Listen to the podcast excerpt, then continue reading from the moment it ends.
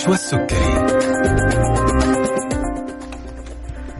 السلام عليكم ورحمة الله تعالى وبركاته. حياكم الله مستمعينا الأعزاء مستمعي ألف ألف FM الموجة السعودية. وأهلا وسهلا فيكم في حلقة جديدة من طبابة.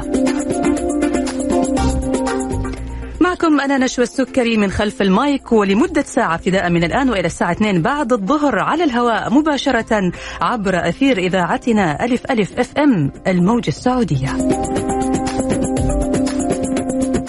ومثل ما تعودنا مستمعينا الأعزاء برنامج طبابة هو برنامجكم منكم وإليكم.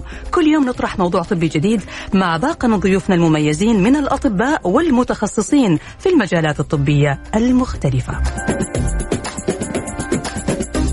ولأنه طبابة هو برنامجكم فإحنا بنسعد بتواصلكم معنا من خلال أرقام الاتصال 0 12 61 61 100 مرة ثانية بنستقبل اتصالاتكم على رقم 0 12 61 61 100 ورسائلكم على واتس البرنامج 055 66 89 001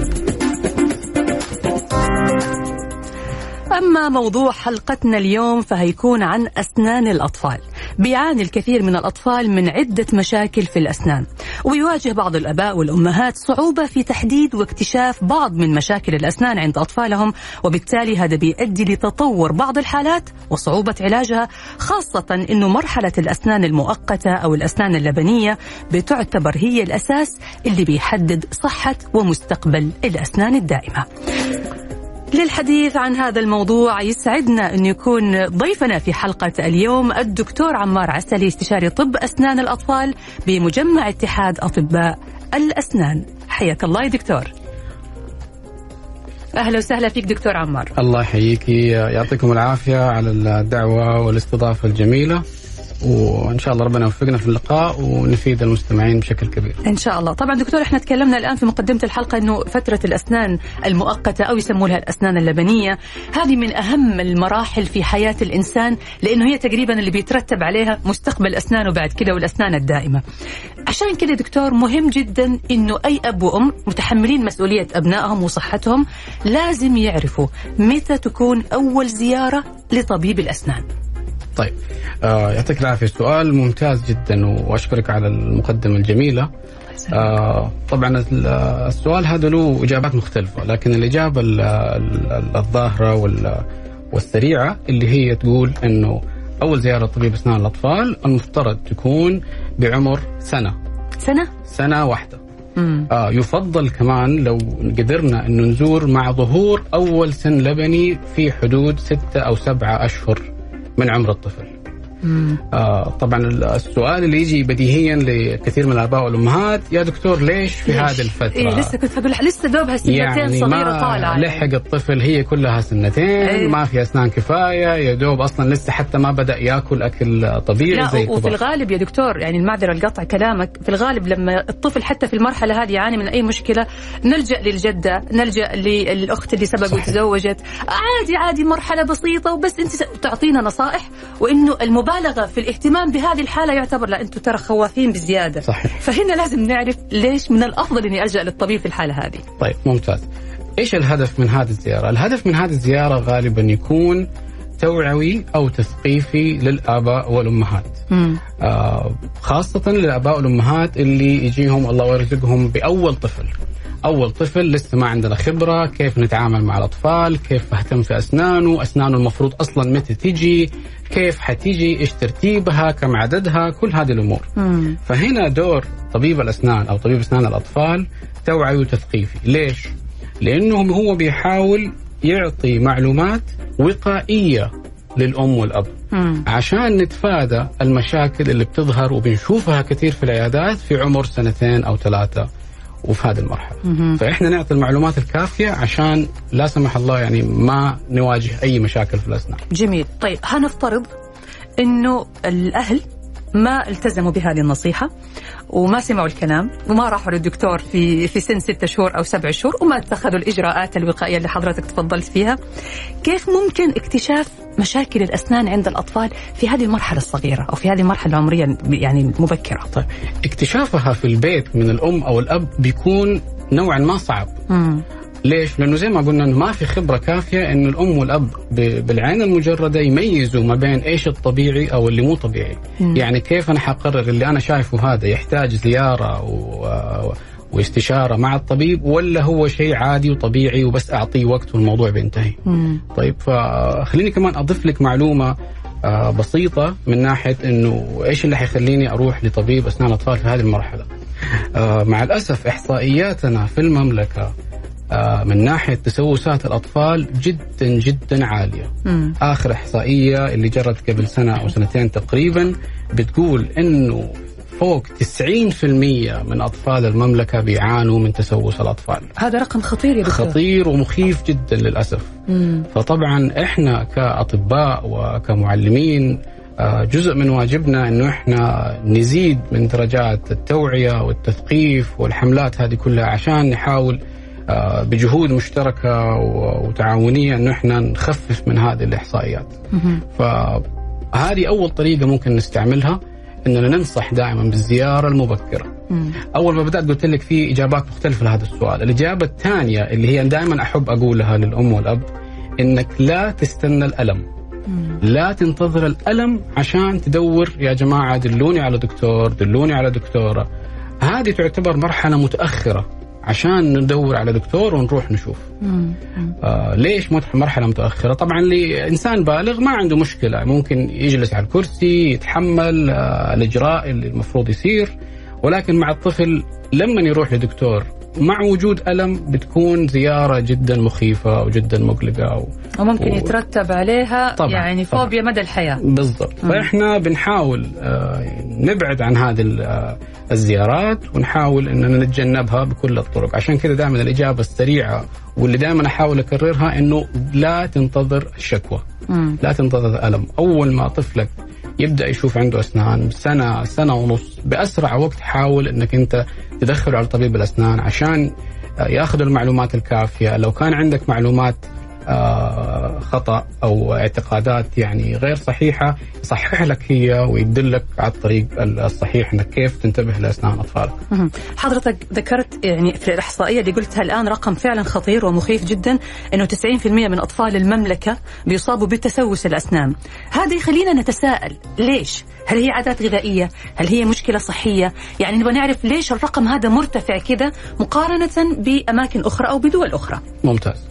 طيب خلينا نرجع للتسوس بشكل عام. سواء الأطفال أو الكبار. التسوس آه، مشكلة أسنان يعني فيها عدة عوامل ما تعتمد على عامل واحد فقط. طبعا من أهم العوامل هذه آه، عوامل العادات اليومية. أيوه. من ضمنها طبعا الاهتمام والتنظيف مم. التفريش استعمال خيط الأسنان أو خيط الموية آه، المضمضة وكل هذه الأمور. آه، العامل الثاني عامل ال- الغذائي.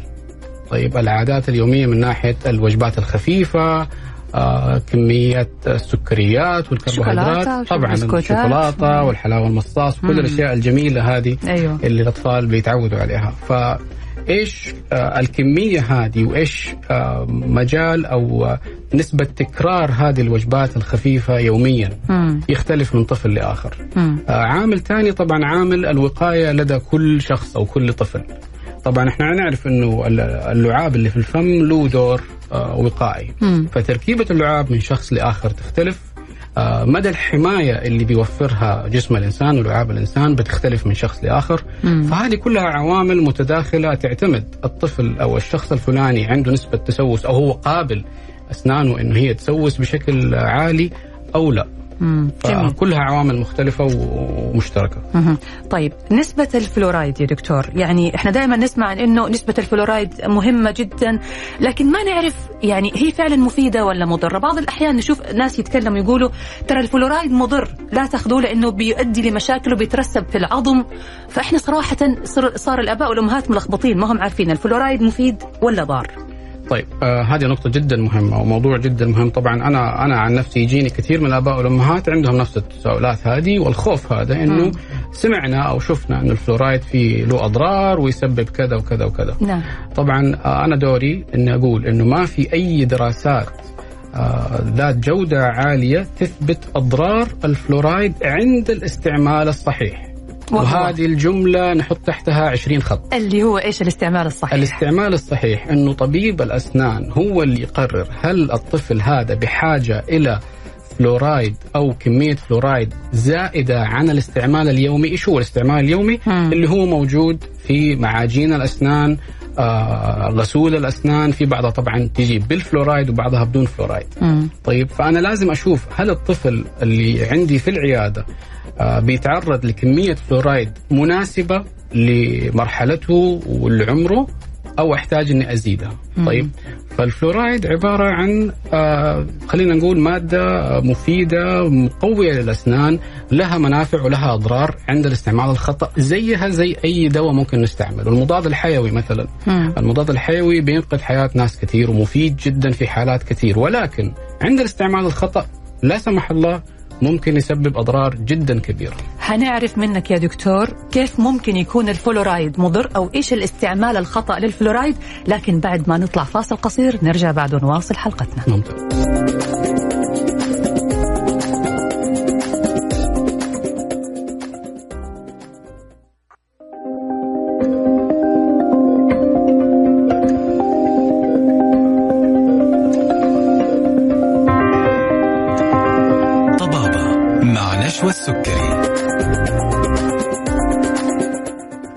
حياكم الله من جديد مستمعينا الأعزاء وأهلا وسهلا فيكم في برنامجكم طبابة مع ضيفنا اليوم الدكتور عمار عسلي استشاري طب أسنان الأطفال بمجمع اتحاد أطباء الأسنان. برحب فيك دكتور عمار. الله يحييك طبعا بذكركم مستمعينا الكرام بأنه بنستقبل اتصالاتكم على هاتف رقم 012 61 61 100 و- ورسائلكم بإمكانكم ترسلوا لنا إياها على واتس البرنامج 055 66 89 001 طيب إحنا دكتور قبل الفاصل كنا بنتكلم عن إنه في إحصائية بتشير هذه الإحصائية أنه 90% من الأطفال عندنا هنا في السعودية بيصابوا بالتسوس في الطفولة. وبناء عليه سألت حضرتك إيش هي الأسباب اللي ممكن آه، تسبب هذه المشكلة؟ وحضرتك برضو آه، تطرقت لموضوع الفلورايد أنه الفلورايد الدكتور هو اللي يحدد الطريقة الصحيحة لاستخدامه وفي نقطة بالنسبة لمعجون الأسنان كيف نستخدم معجون الأسنان اللي فيه فلورايد بطريقة ما تكون مضرة؟ ممتاز. طيب آه زي ما قلنا الفلورايد آه مادة مفيدة جدا عند الاستعمال الصحيح. طيب وما لها أي أضرار مثبتة آه دراسيا أو بحثيا على ضررها مم. مرة ثانية عند الاستعمال الصحيح. طيب كمية المعجون إيش الكمية المناسبة للأطفال؟ أنا عندي طفل مثلا عمره ثلاث سنوات أو أربع سنوات إيش الكمية المناسبة اللي أحطها على الفرشة عشان يستعملها الطفل؟ طيب ال- التوصيات دائما تقول إنه الأطفال من عمر صفر إلى ثلاث سنوات الكمية المناسبة لهم هي مجرد مسحة على الفرشة. مسحة. مسحة بسيطة من طرف علبة المعجون. هذا شكل كافي للطفل عشان يفرش. ليش الكمية الصغيرة جدا هذه؟ مم. لأنه الفلورايد غالبا اللي احتاجه في هذه المرحلة جدا جدا بسيط. مم. زائد إنه في هذه المرحلة عندي عملية التفريش نفسها اللي هي العملية الميكانيكية اللي هي إزالة الرواسب إزالة فضلات الأكل هي عندي أهم من المواد اللي جوا المعجون. مم. طيب؟ هذا بالنسبة لعمر من صفر إلى ثلاثة. من من عمر ثلاثة إلى ست سنوات بقدر حبة بازلاء شيء كورة صغيرة جدا تتحط على فرشة الطفل. هذه كمية كافية للأطفال. مم. آه، لكن بعد كده إذا كبر الإنسان. بعد كده ممكن يستمر على هذه الكمية أو ممكن طبعا يزيد لأنه طبعا الفرشة راح تتغير. طبعا زي ما إحنا عارفين الفرش لها أعمال آه، آسف أعمار معينة. لكل عمر له مقاس فرشة وله طريقة معينة ومسكة معينة تلائم حجم الفم والأسنان. لكن بشكل عام يفضل ما نكثر من معجون الأسنان. أبداً، حاجة أبداً. بسيطة. لأن دائما يجي في الإعلانات تلاقيه يش- يشد خط كذا طويل. أكيد معروفة. طبعا هذه لا بس ما أعتقد إنه لها أي يعني مرجع طبي للكمية المناسبة حاجة هذه بسيطة تؤدي بالضبط هذا كافي. عشان ما يزيد نسبة الفلورايد بالضبط. وفي حالة إنه لا سمح الله الطفل في هذه المرحلة غير قادر على إنه يعني يطلع البواقي اللي في فمه في آه الله يكرمكم المغسلة. مم. في حالة البلع الكمية البسيطة هذه الحمد لله ما يكون فيها أي أضرار. الحمد لله. طيب نتكلم الآن يا دكتور اعتبرنا أنه التسوس صار وإحنا الآن أمام أمر واقع. فإيش هي طرق علاج تسوس الأسنان عند الأطفال؟ طيب آه ممتاز. الحين آه دائما علاج أسنان الأطفال في آه عاملين مهمة جدا لازم الطبيب يفكر فيها.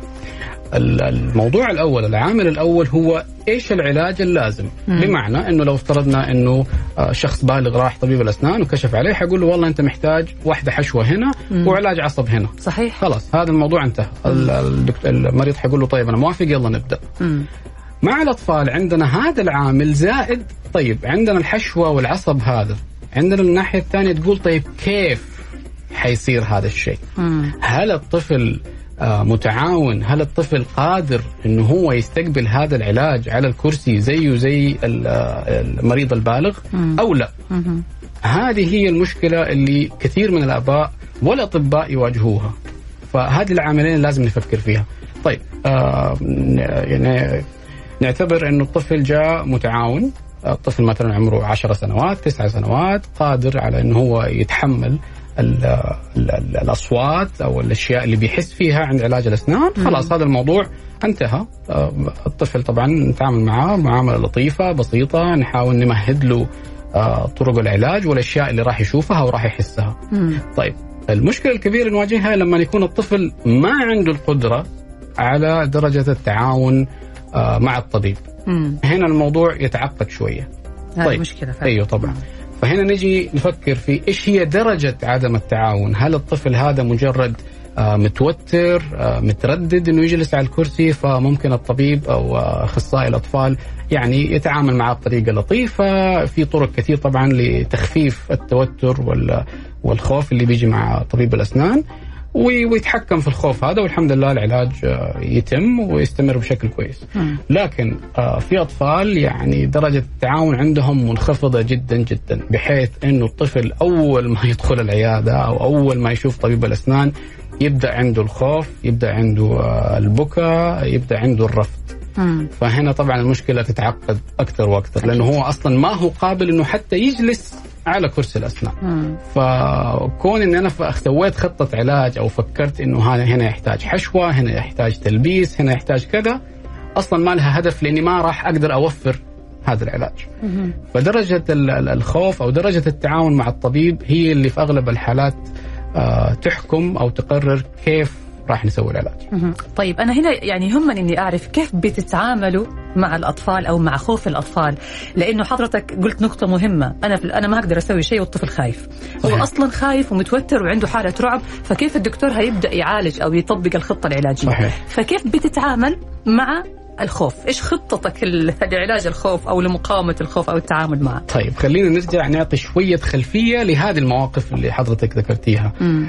آه للأسف بعض الآباء أو بعض الأمهات آه يكون ما عندهم آه إشكالية في إنه العلاج يتم بالقوة مم. ليش؟ عشان يا دكتور خلاص هو طفل لازم يسمع الكلام وإحنا ما عندنا وقت نستنى ونقعد آه، نحاول مع الطفل مرة واثنين. أنا آخذ مثلا سيك ليف من الشغل وابى أخلص الموضوع أيوة. هذا اليوم. أيوه. فبعض الأطباء آه، يحس بالضغط هذا ويقول طيب خلاص أنا لازم أخلص الموضوع هذا اليوم بأي طريقة كانت. فللأسف يعني يتم اللجوء لطرق آه، يعني آه، امسكوه. امسكوا بالقوة يلا بسرعة لازم نخلص. فطبعا دائما النتيجة حقت هذه ال- ال- التجارب تكون سلبية. أكيد. حتى إن تم بطريقة ما علاج السن نفسه مم. إذا كانت الحشوة والحشوة تمت ب- بشكل أو بآخر حيكون عواقب ال- الموقف هذا أو التجربة هذه سيئة للأسف ممكن تكون لسنوات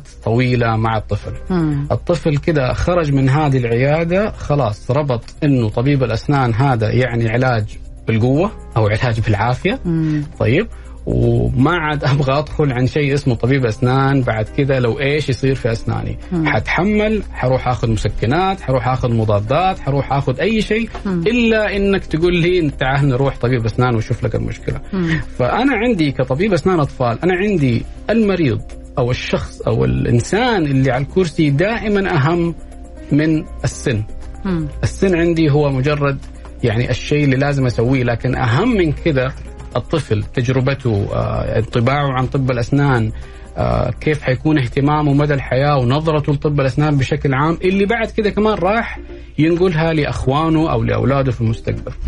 فدائما يعني يتم تهميش الطفل أو تهميش التجربة و- وأحاسيسه ومشاعره وخوفه في العيادة والتركيز فقط على السن ويلا هذه حشوة أو هذا السن لازم أخلعه أو لازم ألبسه ونخلص. لكن دائما نحاول نبعد عن العنف. عن, العنف نبعد عن أي شيء آه، فيه صعوبة نفسية على الطفل. جميل طيب إذا ابتعدتوا عن هذه الطريقة في, في التعامل مع خوف الطفل إيش البدائل وأنا عندي طفل خايف وأنا صح. ماني قادر صحيح. معه إيش صحيح. هتعمل آه، طبعا في بدائل متوفرة طبعا يعتمد من طبيب لآخر أسلوبه وطريقته وتعامله مع الطفل آه، كل طبيب اسنان اطفال له طريقة أو له خلينا نسميها روتين مم. في استقبال المريض آه، يعني التخفيف من خوفه وقلقه.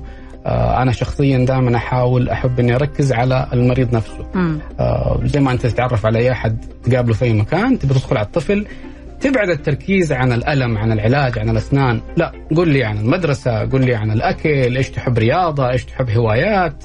أحاول أقرب منه أكثر بحيث إنه يشوفني ك يعني صديق بعدين طبيب لكن مو طبيب جاي يسوي لي شيء حيعورني وحمشي مم. فهذه الطرق لطيف معه بالضبط يعني تحاول تحبب المريض في, في, في العيادة أو في الطبيب وتخفف من خوفه مم. بعد كده إن شاء الله يعني حسب ردة فعل الطفل في هذه أو أو على على هذه الطرق تعتمد هل حنستمر بهذه الطريقة فقط أو نلجأ لأشياء متقدمة نوعا مثل ما إيش؟ يعني في مثلا مثل- موضوع الغاز الضاحك هذا ممتاز. أو المضحك ممتاز آه الغاز هذا جدا مفيد. آه نستعمله بشكل متكرر آه خلينا نتكلم عنه هو الغاز بشكل آه مبدئي مم. الغاز هذا هو ال nitrous oxide أو اللي يسموه ال- الغاز الضاحك أو نعم. ال laughing gas. إيش هو هو عبارة عن غاز آه يتم استنشاقه بجهاز معين في العيادة مم. يستنشق المريض. إيش مفعول ال- الغاز هذا؟ الغاز هذا عبارة عن مهدئ. طيب؟ آه يبدأ الطفل لو كان مثلا خلينا نقول إنه هو متوتر بدرجة تسعة من عشرة في العيادة الغاز هذا راح ينزله إلى ستة أو سبعة من عشرة. مم.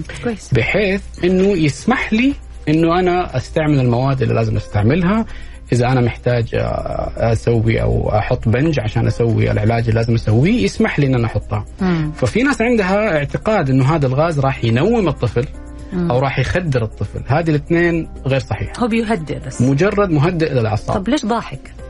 لأنه فعلا في بعض الناس يجيها رد الفعل هذا. في يضحك. ناس فعلا يجيها ضحك. مم. فيعتمد. طبعا ردة الفعل هذه آه، أنا أحب دائما أوضحها قبل ما نستعمل الغاز. أقول للطفل ترى شوف في ناس تضحك في ناس ما تضحك. مم. لأنه لو من أول أنا جالس أشرح له هو إنه ضاحك ضاحك ضاحك وما جاء له هو ضحك أو ما جاء ردة الفعل هذه راح يزعل. مم. ليش كل الناس تضحك وأنا ما أضحك؟ فأنا أقول له أسمع كل شخص مختلف. أيوه. في ناس تضحك في ناس ما تضحك في ناس تتخيل أشياء في ناس آه، يعني كل شخص له ردة له فعل ردة فعل مختلفة. فيمكن أنت تجيك بس مجرد هدوء وراحة هذا ممتاز هذا كافي. جميل.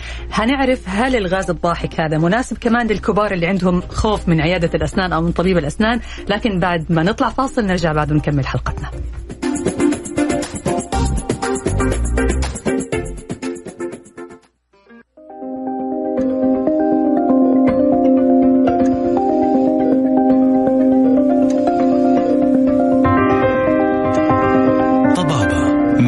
مع نشوى السكري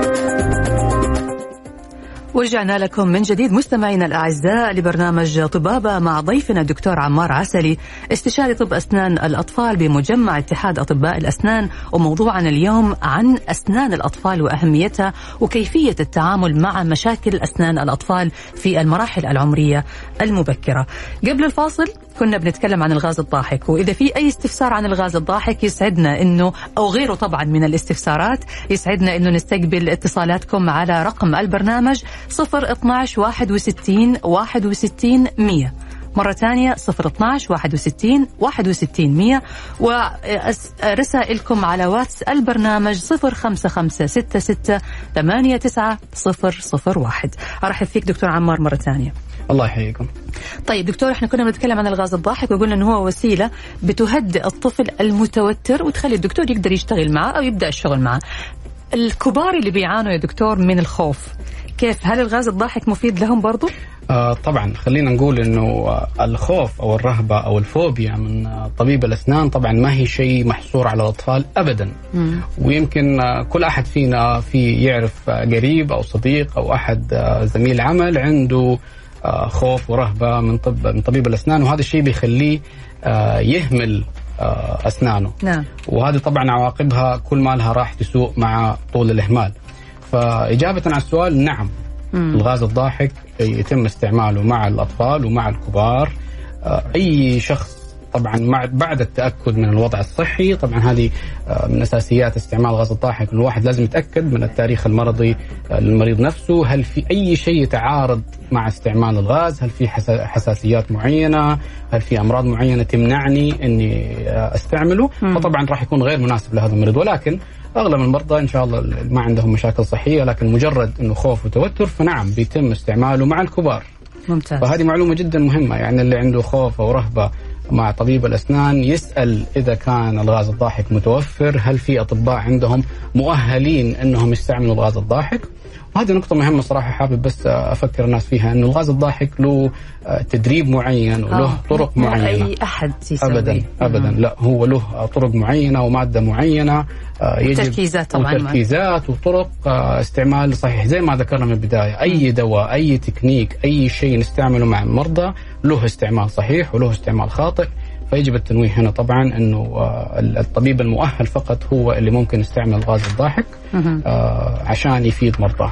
فنعم في يستعمل مع الكبار. طبعا في حالات إحنا بنسويها مع الكبار في حالات زراعة الأسنان حالات علاج العصب أو الجراحة بشكل عام. طبعا المريض بيجي بيقول ترى أنا خايف وعندي مثلا اليوم موعدي في زرعتين وفي خلع وفي علاج عصب وهذه الأمور كلها فراح أكون جدا تعبان ومتوتر فلو عندكم أي شيء يقدر أعطوني. يهديني أعطوني يخليني بس. أتحمل الموعد آه. آه. طويل ومتعب ففي هذه الحالات بعد التأكد من تاريخه المرضي مهم. يتم استعماله والحمد لله بنشوف نتائج جدا ممتازة ممتازة المريض بيطلع من الموعد بيقول الحمد لله عن الغاز يعني ما حسيت بحاجة. ممتاز. حتى لو كان الموعد ساعة ساعة ونص الاجراء الجراحي. بيتخطى الموضوع ببساطة وبسهولة. بيخفف بشكل كبير على المريض. طيب إحنا هنكمل دكتور الأساليب هذه في حال ما نجح الغاز الضاحك. إيش الطريقة الثانية؟ بس في معانا اتصال. خلينا ناخذ الاتصال. ألو؟ ألو السلام عليكم. عليكم السلام. يا أهلا وسهلا. الله يعطيكم العافية. شكرا على البرنامج الجميل هذا والله. الله يعافيك ويسلمك. يا رب. مين معي؟ معك زكريا من الأحساء. حياك الله أخوي زكريا تفضل. سؤالك. الله يحفظك. أنا ابني عمره سبع سنين. أيوه. ووديته عند الدكتور بس الولد خايف من الإبرة حق البنج هذه. مو ما إحنا قادرين نسوي له يعني يبكي ولا الدكتور صعب يعني يتعامل معك. امم أكثر من دكتور كل ما اوديه ما مو قادرين نضرب له الإبرة عشان نخلع له السن ال- اللي متعب الداخلية هذه. في في تسوس يعني. امم طيب. شكرا. وصل السؤال. الله يعطيك العافية. شكرا أخوي زكريا حياك. تفضل دكتور نفس السؤال يعني النقطة اللي كنا نتكلم فيها. بالضبط. أيوه. آه شكرا أخ زكريا. طيب آه يعني هذا مثال واضح لحالات قد يعني يكون في منفعة كبيرة في استعمال الغاز الضاحك. امم طبعا يعتمد هل الطبيب هذا هل هو متخصص في الأطفال أم هو طبيب عام أو هو طبيب جراح؟ آه يعني حتى في نفس التخصص مثلا طب أسنان الأطفال يختلف من طبيب لطبيب. امم أسلوبه طريقته آه يعني درجة تقبل الطفل للطبيب تختلف من شخص لآخر. امم طيب ف يعني قد يكون الطبيب مثلا ما هو تخصصه أو ما هو تركيزه الأطفال فما عنده آه، يعني آه، الطرق العلاج مهارة هذه. التعامل. مهارة. التعامل أو الصبر. يعني مم. ناس كثير تقول الصبر هو أهم حاجة في طب أسنان الأطفال.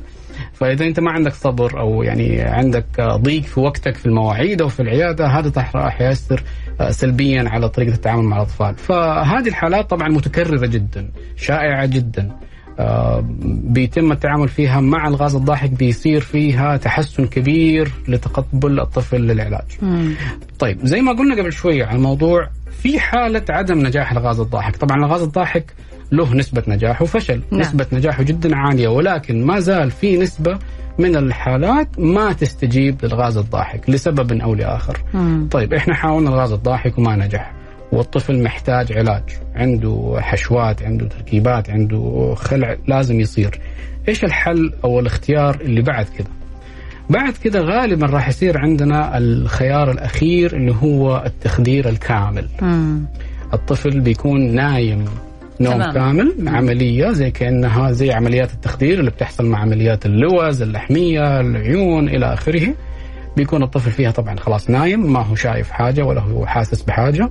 يتم فيها علاج في أغلب الحالات جميع الأسنان في جلسة واحدة مم. إحنا طبعا هنا بنستغل وضع إنه الطفل آه توتره وخوفه خلاص خرج من المعادلة مم. ما عندي الطفل كل شوية أريحه كل شوية أعطيه بريك فبتشتغل على كل الأسنان مرة أيوة. واحدة فبنكون جاهزين آه، تجهيز كامل كل المواد كل آه، الأدوات اللي نحتاجها في غرفة العمليات مم. بيتم علاج كل الأسنان في خلال ساعة أو ساعتين حسب كل الحالات فهذا جميل. يعتبر الحل النهائي للعلاج اللي لو لو استنزفنا أو استنفذنا كل الطرق يعني كل الطرق وكل المحاولات فشلت بيفضل معانا هذا الحل الأخير. جميل.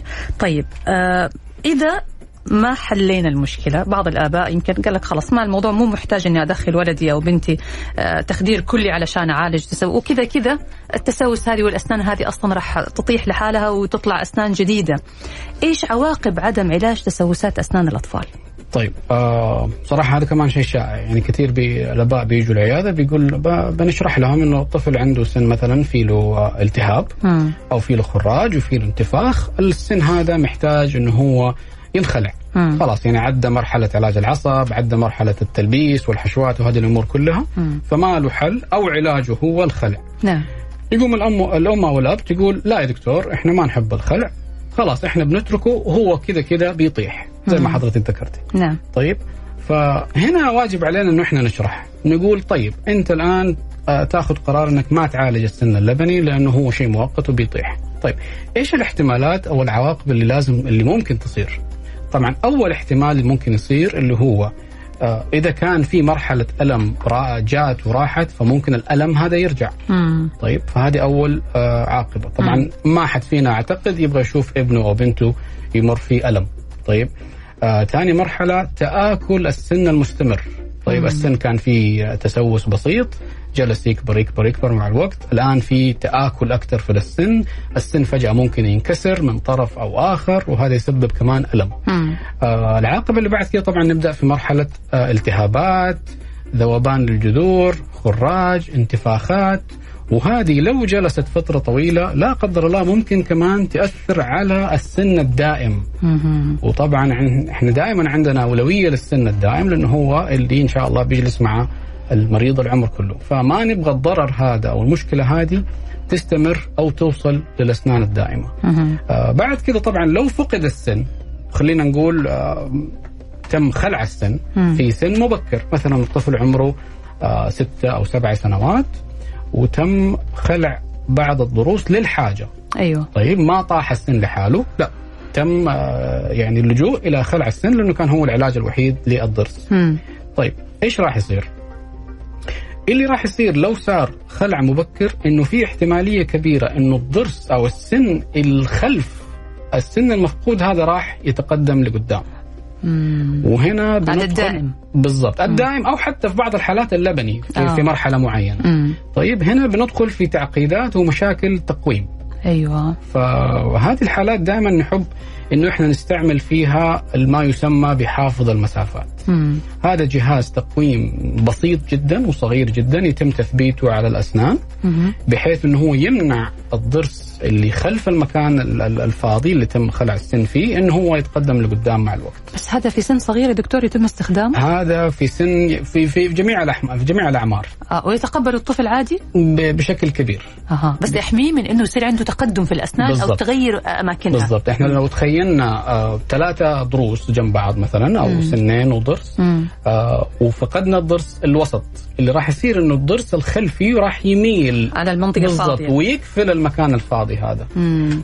فهنا زي ما قلنا حندخل في مشكلة تقويم يجي السن الدائم في موعده يطلع يلاقي المكان انشغل أيوة. أو المكان صغر بشكل كبير ما يقدر طيب يطلع. ما يقدر يطلع أو يطلع في اتجاه غير اتجاهه الطبيعي مم. وهنا كمان نقطة مهمة نحاول آه، نوضحها إنه بعض الآباء يجي آه، ردة فعله بشكل معاكس اللي هو يقول طيب يا دكتور خلاص أخلع. يكون السن تسوس بسيط سطحي. بس يبغى يخلص. ويبغى يخلص. يقول يا دكتور ما هو لبني؟ نقول له أيوه لبني. يقوم يقول يا دكتور خلاص أجل شيله مم. طيب ليش اشيله رقم واحد أنا ما أحتاج إني أشيله. ما هو هذا العلاج المناسب له. ويرجع دائما هذا الطلب من الأب والأم لاعتقاد إنه لما نشيل السن اللبني هذا راح يظهر على طول السن الدائم اللي تحته مم. وطبعا هذه معلومة خطأ ليش لأنه كل سن دائم له موعد معين للظهور مم. يعني ما أقدر أخلع الضرس لطفل عمره خمسة ستة سنوات وأتوقع إنه السن الدائم راح يطلع في خلال شهر أو شهرين مم. لأنه السن الدائم لسه ما عدى بمراحل النمو والتطور اللي تخليه يقدر يبدأ يطلع في فم الطفل في هذا العمر. وخلع السن اللبني في موعد مبكر عن موعده هذا راح يخلي السن الدائم يتأثر ويمكن يطلع بشكل خطأ أو صحيح. يطلع بما في اعوجاج أو شيء. ممتاز مهم. ممتاز صحيح. طيب حلقتنا مستمرة دكتور هنطلع فاصل بعد الفاصل هنرجع ناخذ أسئلة المستمعين ونكمل الأسئلة برضو اللي موجودة عندنا إذا باقي عندنا وقت لكن فاصل قصير نرجع بعد ونكمل حوارنا.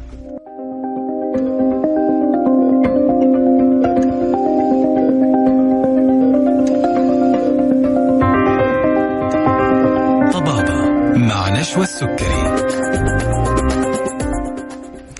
حياكم الله من جديد مستمعينا الأعزاء وأهلا وسهلا فيكم في برنامج طبابة. وإحنا الآن وصلنا للجزء الأخير من حلقتنا اليوم مع ضيفنا الدكتور عمار عسلي استشاري طب أسنان الأطفال بمجمع اتحاد أطباء الأسنان. وموضوعنا اليوم عن أسنان الأطفال والمشاكل اللي بتواجهها طبعا في مرحلة الطفولة المبكرة.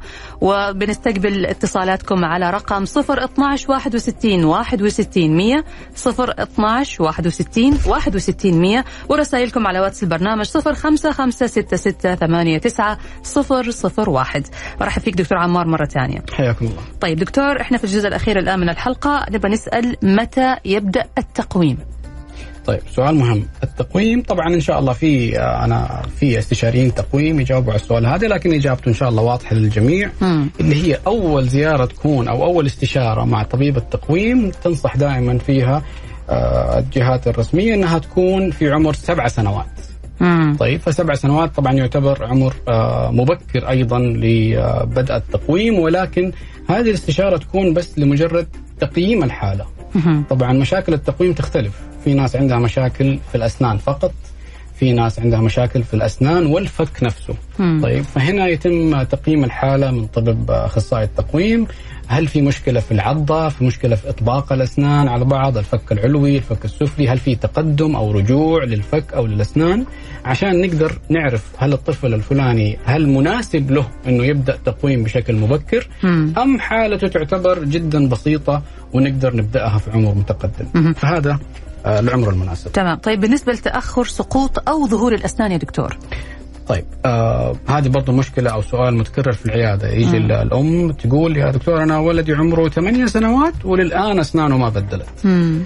طيب آه وقتها نسأل كذا سؤال. أول سؤال ممكن نسأله هي صحة الطفل بشكل عام.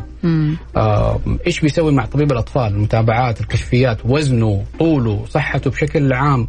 هل هي في المتوسط سنه عمره هل هي ماشية مع المتوسط؟ أم في مشاكل تأخر نمو وتطور بشكل شامل على الطفل؟ مم. فهذا أول سؤال. ثاني سؤال طبعا في هذا العمر مناسب إن إحنا ناخذ الأشعة البانورامية. نعم. اللي هي تبين الفك كامل والأسنان كاملة. نشوف آه، عدد الأسنان نشوف مرحلة تطور ونمو الأسنان. عشان نقدر نطمن المريض ونطمن الأم أو الأب إنه الأسنان موجودة وما عندنا ما يعني يسبب الخوف أو القلق إنه الأسنان ما جات. مم. هي مجرد يعني تأخر بسيط ما عندنا مشكلة. ثالث شيء ممكن نسأل عنه إننا نسأل متى الطفل بدأ يسنن وهو طفل رضيع؟ مم. ليش؟ لأنه في عامل رابط ما بين تأخر ظهور الأسنان اللبنية وما بين بدء سقوط الأسنان اللبنية والتبديل ها يعني الطفل إذا تأخر في أنه يكون عنده أو ظهور السن اللبني عنده مثلا المتوسط ستة سبعة شهور مم. لو الأم تقول والله يا دكتور ما سنن غير لما نقرب على السنة آه okay فهنا معناها إنه في غالبا كمان نفس ال- ال pattern تأخر في ظهور الأسنان. تاخر في تبديل الأسنان عشان مم. تجي الأسنان آه، الدائمه مهم. فهذه مشكلة دائما ظهور الأسنان. فنحب نتأكد هل في ما يعيق ظهورها بالاشعه هل في آه، عظم؟ هل في سن زايد؟ هل في اتجاه آه، مختلف لظهور السن؟ فهذا بيأخر موضوع أو لا. تمام. طيب خلينا دكتور الآن ناخذ الأسئلة اللي جاتنا عشان الوقت ما عاد باقي غير يعني تقريبا ثمان دقائق آه سؤال يقول هل يمكن تعديل الأسنان بدون تقويم؟ تعديل الأسنان بدون تقويم. آه والله في حالات يمكن تكون بسيطة جدا. هنا يشوفها آه، طبيب التجميل أو طبيب التركيبات. آه بعض الحالات احتمال اللي يكون فيها الأسنان يعني فيها آه يعني مشكلة أو ازدحام بسيط بعض الناس تلجأ أو تختار إنها ما تسوي تقويم وتسوي تركيبات أو عدسات تجميلية. مم. ف احتمال بعضها لكن أغلبها يعني يلجأ للتقويم لأنه هو يمكن الحل الأنسب أو الأخف على الأسنان وطول العلاج.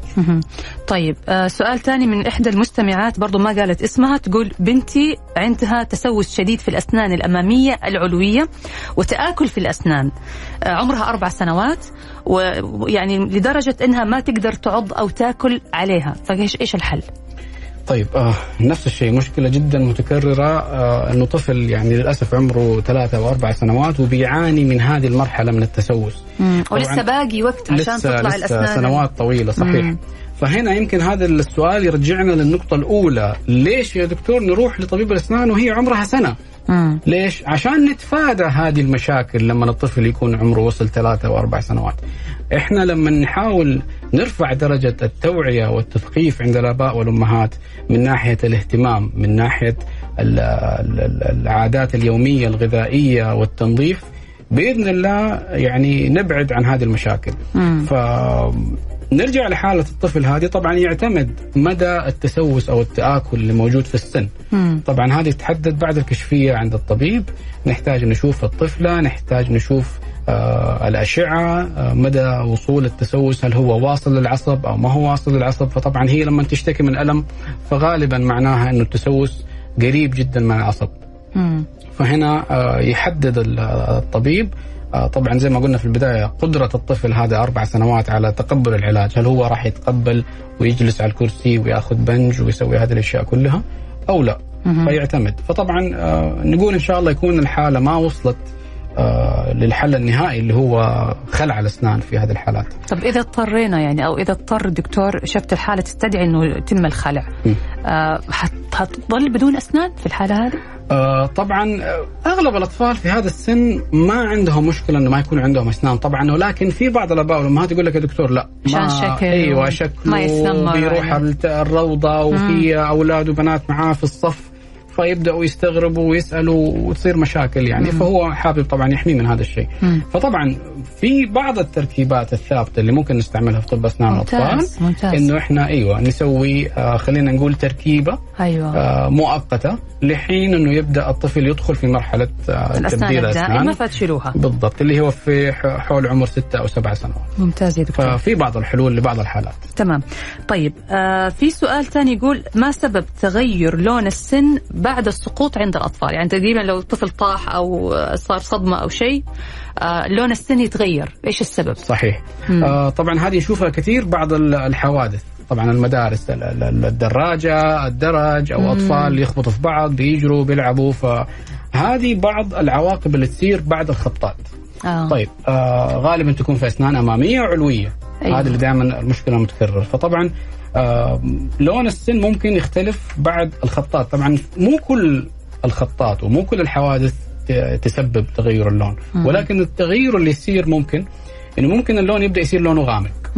آه رمادي آه بشكل بسيط ليش؟ لأنه هنا يبدأ آه يعني كان السن فيه عصب طبعا الأسنان آه يعني آه شيء حي بيوصل له دم من خلال الفك وبيوصل له غذاء فمع الخبطه هذا العصب بيتأثر مم. فانسحاب العصب من السن السن. يخلي الأسنان لونها غامق فللأسف بنشوفها كثير مع الأطفال مم. وبيكون سنهم تحت خمسة أو ست سنوات طبعا فنفس الشيء تيجي الأم تشتكي يا دكتور لون السن ما هو عاجبني ما هو حلو طيب هل طفلك قادر إنه هو يجلس ونسوي له علاج عصب ونسوي له تلبيسه للسن أو حشو للسن مم. أو لا؟ نعم. لأنه في أغلب الحالات ما يحتاج تدخل هذا الموضوع. طالما إنه ما في آه، أعراض ما في ألم ما في التهابات ما في أي مشاكل فبنكون إحنا آه، بنتابع هذا السن لحين إنه هو خلاص يوصل لمرحلة التبديل. تمام. طيب آه سؤالي دكتور تقول ولدي عمره خمس سنوات ألاحظ إنه رائحة فمه كريهة. آه، شكليا ما في شيء في أسنانه فإيش السبب؟ طيب. هي شكليا هي ما هي عارفة يعني. صحيح صحيح. آه نفس الشيء مشكلة متكررة. فدائما نحاول نشرح للأم إيش ممكن تكون مصادر الرائحة الكريهة من فم الطفل. مم. طبعا أنا دائما أقول إنه ال- ال- الرائحة الكريهة مرتبطة بكذا مكان في جسم الطفل. أول مكان اللي هو طبعا إحنا بنشوفه اللي هو الفم واللثة. طيب هل إحنا أتأكدنا من خلو الأسنان من التسوسات؟ هل في أي مشاكل في اللثة؟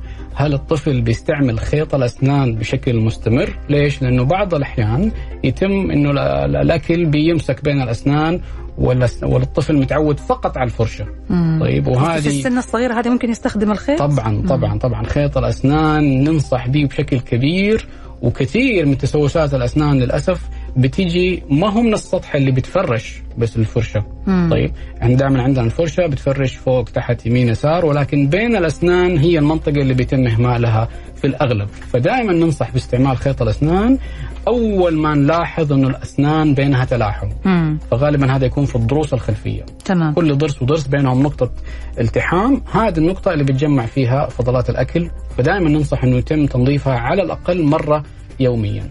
طيب هذه أول أول شيء لازم نفحصه لو في رائحة أتأكدنا أن الأسنان سليمة ما فيها مشاكل اللثة اللسان نفسه بيتم آه، تنظيفه مم. برضو آه، مرة يوميا خلاص قلنا ال- ال- الفم نظيف طيب إيش في سبب ثاني ممكن يسبب هذه المشكلة؟ المعدة آه من. المعدة من جوا. المعدة مرتبطة بالفم بشكل مباشر. هل في مشاكل في المعدة؟ هل في أي قرحة؟ في ارتجاع؟ في آه، إمساك؟ لا قدر في أي مشاكل في المعدة ممكن تسبب رائحة. مم. طيب الأم حتقول لا يا دكتور المعدة ما فيها مشاكل. مم. طيب نطلع من الفم على فوق مم. على الجيوب الأنفية. ال- المشاكل الأطفال اللي عندهم لوز لحمية دائما عندهم حساسية دائما آه. عندهم إفرازات دائما عندهم مخاط. هذه كمان بتسبب رائحة مم. فإذا يعني فحصنا كل هذه الأشياء نقدر غالبا نوصل لسبب المشكلة. جميل طيب آخر سؤال يا دكتور عشان وقتنا يعني تقريبا قرب ينتهي آه تقول آه ولدي عمره سنة وثلاثة شهور بس لا زال يستخدم اللهاية إيش هو الوقت المناسب إني أوقف عنها وإذا ما وقفتها هل لها مضار؟